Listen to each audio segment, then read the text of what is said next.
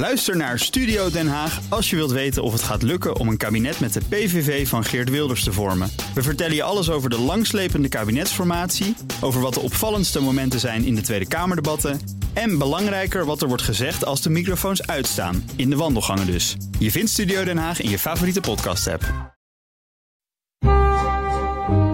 De Perestrooikast. Een blik op Oost-Europa.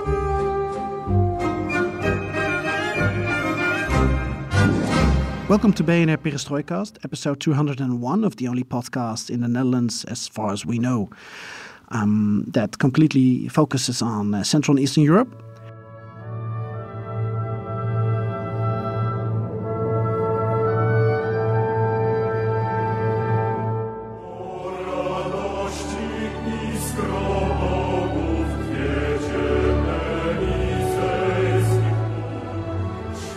You're listening again to an um, interview in light of the Polish elections. Uh, we're interviewing several people, and this time I had the honor to meet uh, Mr. Robert Biedroń.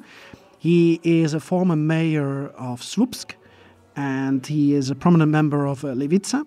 He used to campaign together with Frans Timmermans ahead of the European elections 2019.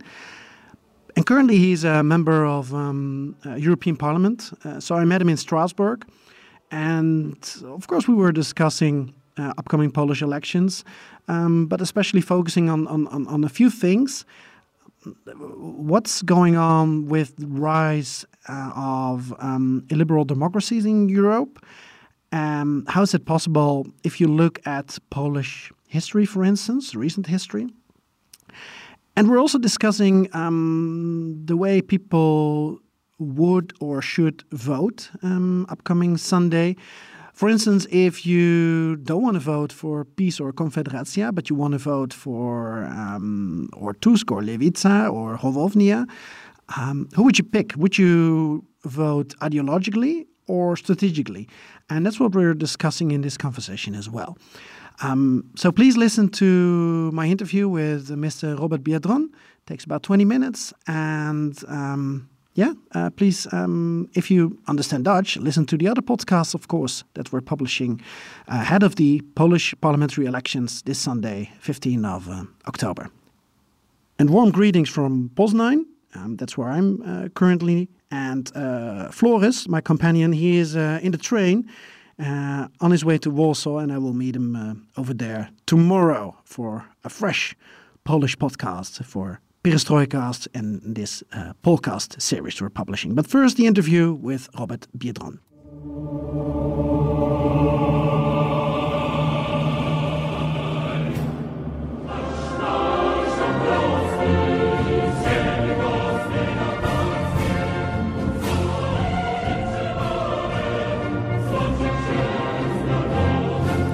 Mr. Biedroń, thank you for having this conversation with me. I really appreciate it. I requested this interview with you because, well, for several reasons about what's happening in, in Europe. Um, I know that you know Frans Timmermans quite well. You were campaigning four five years ago ahead of the European elections. He went to Poland. Now he's running for office in the Netherlands.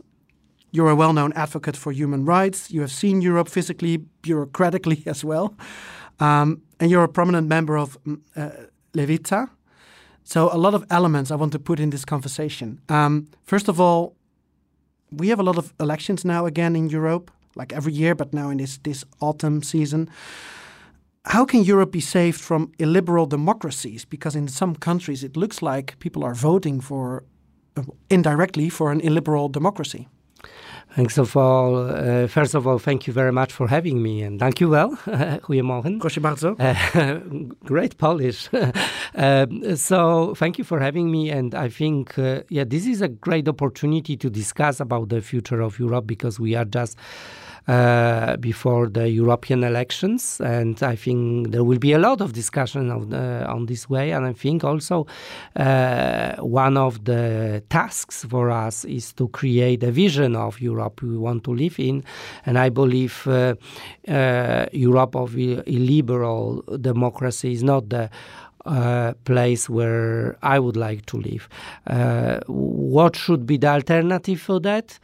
Well, uh, my heart is on the left side, as you know. Uh, so I, I believe uh, that uh, the social justice, equality, are these values should be the fundamentals of how we build uh, the community. And I believe as well, uh, being a former mayor, that on these issues we should think globally but act locally.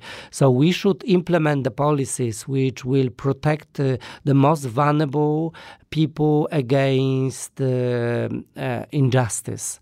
Uh, what I mean by that is good education, good um, um, access to health system, good housing system models, fair pay, good working conditions. This should be the fundament uh, of uh, uh, of the Europe we should create in the future. And this, I believe, is the best vaccine against any. Um, undemocratic systems, which I see uh, myself in the country I represent. I come from Poland, where for year, eight years, you have a government which uh, I would say is ruling in the authoritarian way. How did it get this far? If there are so many other important elements for people to concern about, to vote for, and then in the end, it looks like they they are not embracing democracy and democratic elements that actually in a country like Poland um, has been blocked for for so many decades was not an option for so many decades you you literally fought for it Indeed, my mother was a solidarity uh, movement uh, activist, and she was uh, uh, fighting for that. But she was also a hardworking woman uh, who did it all not only for democracy, but she did it for better living standards for her children. And for many of these mothers in Poland, this never happened. And uh, the big disappointment of an inequalities of the system which was not just and the dream that invisible hand of the free market will regulate everything did not work in Poland. So many people were left behind. Uh, we were witnessing, and herself, giving an example of my mother again, she witnessed uh, closing down the school where she was working, and she lost the job. She had to leave to America to uh, maintain four kids of her, including myself. So for her as a solidarity movement uh, fighter, it was a great disappointment, and there were millions of these people left behind. And for them, maybe democracy and human rights and rule of law were important. But at the end of the day, she needed to deliver breakfast, lunch, maybe dinner for her kids. And uh, these uh, who were in power were saying, well, we're not ready for that. Uh, we need to invest in uh, uh, maybe big cities, maybe companies, maybe uh, mm, something else. But there, there is not enough money to invest in the health system, in education, in better jobs, better pay. And I know it's complicated, but those people started to become disappointed and many of them choose the ruling party now, Law and Justice, which promised them that uh, this will be not a case anymore. Whether they deliver or not is another case. I, I, I believe they took away our freedom and democracy, and they never um, delivered the social justice at the end. So it was a big uh, fake, uh, but. Uh, many people trusted them, and that's why they were so successful. In, in my opinion, you know way better. Poland is a, is a, an, an example of um, polarization and also of a gap between cultural conservatism and a progressive part. Is it too late to bridge the gap? Well, I, I believe one of the biggest dangers uh, in Europe uh, is the polarization where you have two uh, radical, aggressive uh, tribes fighting each other. There's little room for diversity, there's little room for discussion, there's little room for alternatives, there is uh, only a constant fight which is not productive. And i i'm witnessing it in poland but we are witnessing as you said in many other countries. And i believe this is the uh, the one of the biggest threat. And uh, mm, uh, because this is not natural. This is not natural uh, that we are so divided that we are so polarized. Uh, and uh, I, I see it at at uh, in at many of my friends' families where those families cannot eat uh, Sunday lunch together because at the end of the day they cannot sit uh, by one table not having uh, extremely uh, different opinions.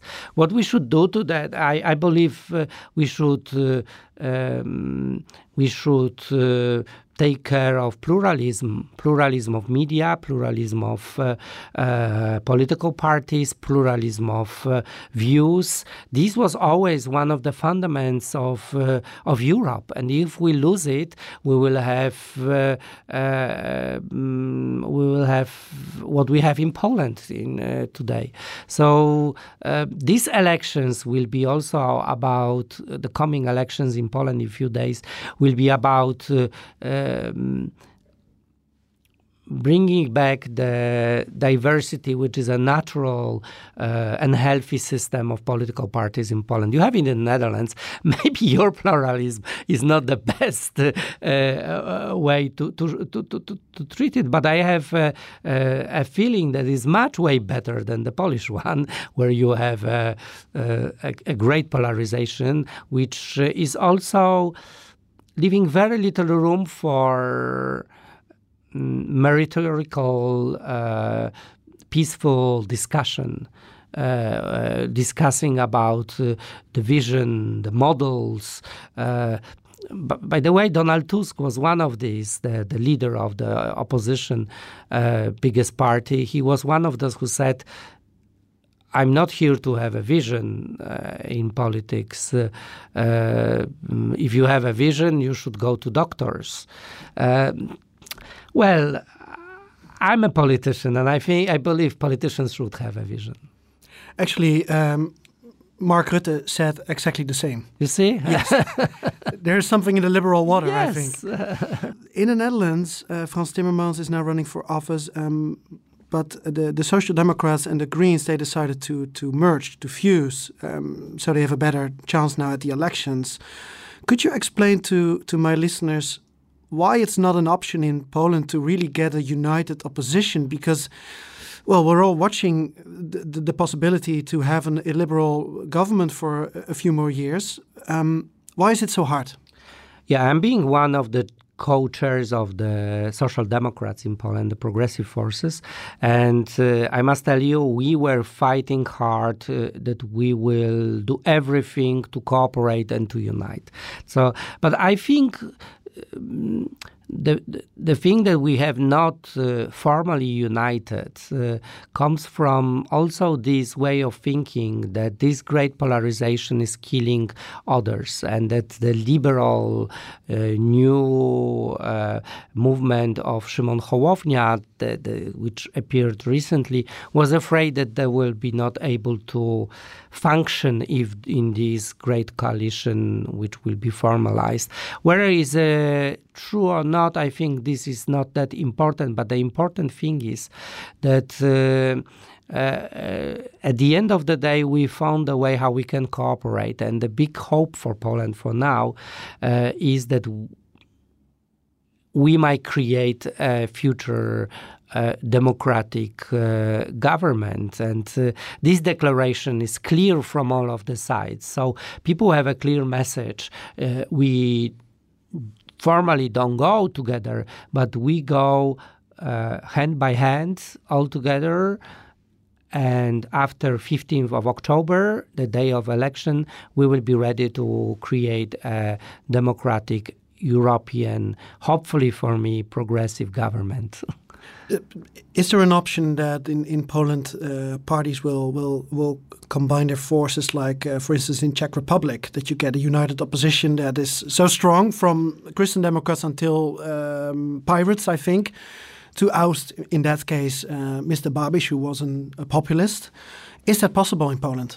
Well, we have good examples like the Czech Republic, but we have also an example of from Hungary where uh, opposition united and they lost. So we follow all of these examples, and of course we uh, learn from uh, uh the lessons.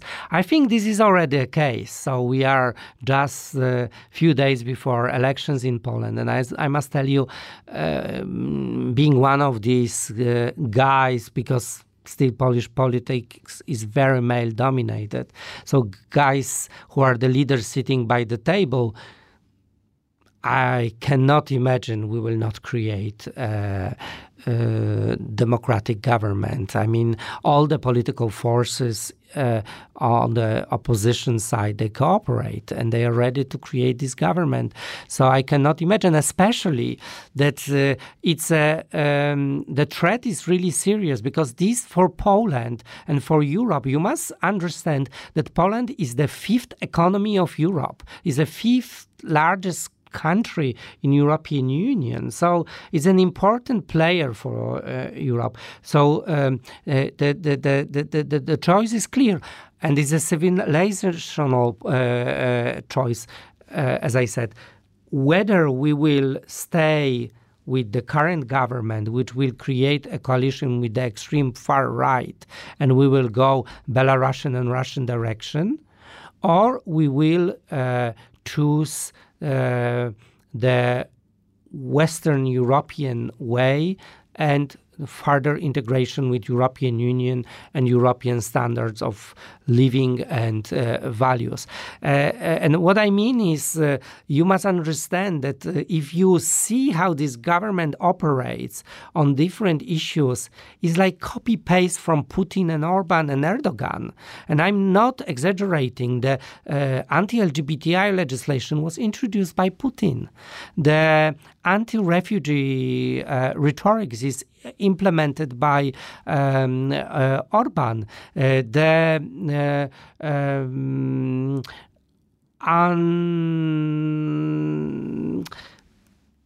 clear way of dealing with the public funds is uh, a model copy paste from Erdogan's Turkey. So this is the uh, uh, those are the political leaders being an inspiration for the current Polish government. So if you want Poland to be closer to these guys, then it might happen after 15th of uh, um, uh, of October. You must understand that uh, uh the concept of the state being built by uh, the current government with uh, Jarosław Kaczyński on the top is the concept of the state uh, which is authoritarian, which is patriarchal. You uh, you probably have heard that Polish women have less rights in Poland now than they had in 2004. We have de facto complete ban on abortion. We have something you could uh, probably hear in this dystopian uh, Handmaid's Tale, uh, where there was a pregnancy list well, we have it in Poland, the only country in the world where every pregnant woman is listed. It exists in Poland, and police and pros- national prosecutor have access to it uh, uh, to verify whether a woman is still pregnant or not. And if she's not, then they step uh, they they step in and they verify what happened and they prosecute. This is Poland in the heart of Europe in 2023. And of course, we have these LGBTI free zones, which you probably have heard in the Netherlands, where 30% of Polish territory were the LGBTI free zones. In Poland, it's uh, it's not only practical thing, but symbolically, it reminds the times where Nazis introduced the Jew-free zones, where Jews could not enter a shop or uh, uh, a school, uh, a bus, a tram, because it was banned for them. and this uh, uh, kind of correlation is being played today by the ruling government. This is really unimaginable. Mm-hmm. I'm speaking about today's Poland, not the Poland before the Second World War ruled by Nazi. This is a Poland where you have LGBTI free zones, pregnancy register, and de facto ban on uh, uh, abortion, uh, limiting women's rights. For these reasons, um, I spoke to some young voters in, in Poland while visiting. Um, I'm still in touch with them, and they are well, they they want to um, vote on uh, for uh, because of uh, great yeah, choice. Of, of, course, you say great choice. uh, for these reasons, human rights, um, abortion policy, but also climate policy, asylum policy. However, they are struggling because they're thinking: Should I strategically vote for Mr. Tusk um, these elections? Because if we see a backsliding democracy, maybe let's go for the biggest party in opposition that is keeping our democracy. What would you say to them? How does it work? I say it a lot because I'm campaigning a lot. so we just had this uh, weekend uh, series of meetings outside Warsaw, but in Warsaw we had a one million uh, people uh, manifestation which I participated at. Uh, but uh, what I would say is that we already tested that. In 2015, uh, people believed that they should uh, vote the strongest opposition party. Then did not deliver because Lewica did not get in the parliament for the first time in the Polish history. We were the only country where there was no social democrat progressive movement uh, in the parliament, nowhere else in, in Europe. Kaczyński came to power because the the biggest opposition party uh, could not create a government themselves. They need partners to create the government. Uh, and uh, if any of us will not get to uh, the future parliament, which we will elect in few days, whether it will be uh, the party I represent, progressive, which is not the case for now. We are doing quite well. Or whether there will be liberals uh, from the newly created uh, um, third way they call Trzecia Droga, which might be a case. They have a different threshold because they are Eight. merge. Yes, yeah. and they need to, to, pass the threshold of 8%. If they will not uh, succeed, we will not create uh, democratic government because we will not have enough of votes. So this is a danger. People, and we started this conversation with that. People have right for the pluralism. People want to vote for different parties, and if we don't understand it, we are losing. And this is the best example. So everything, in your opinion, um, should be used and done to to prevent a, a PiS government, probably PiS with Konfederacja. There's no other option, probably. So in that case, I'm thinking um, Donald Tusk, who is a, a, liberal, a pretty tough migration policy if you compare it to um, your party, for instance. Maybe they should be even tougher on migration in their rhetorics, get votes from PiS and Konfederacja, and then in the end, you know that they will work together with you. So maybe some small propaganda? Well, uh, uh, I'm not there to write their scenarios. They are uh, uh their own leaders and they decide themselves. Uh, we, as uh, social democrats, we stay on our values we know where we are and we know what we are fighting for. We will always defend human rights. We will always be uh, um, uh, in the humanistic way of thinking. This is what we are. This is our DNA. This is uh, how I was grown up, and I will never betray it. So there are millions of Poles who believe in that. And the best example is the recent movie of Agnieszka Holland, the famous uh, producer, Green Border Zielona Granica, where many people they understand that we need to protect our borders, but we need also to protect people, and one does not exclude another one.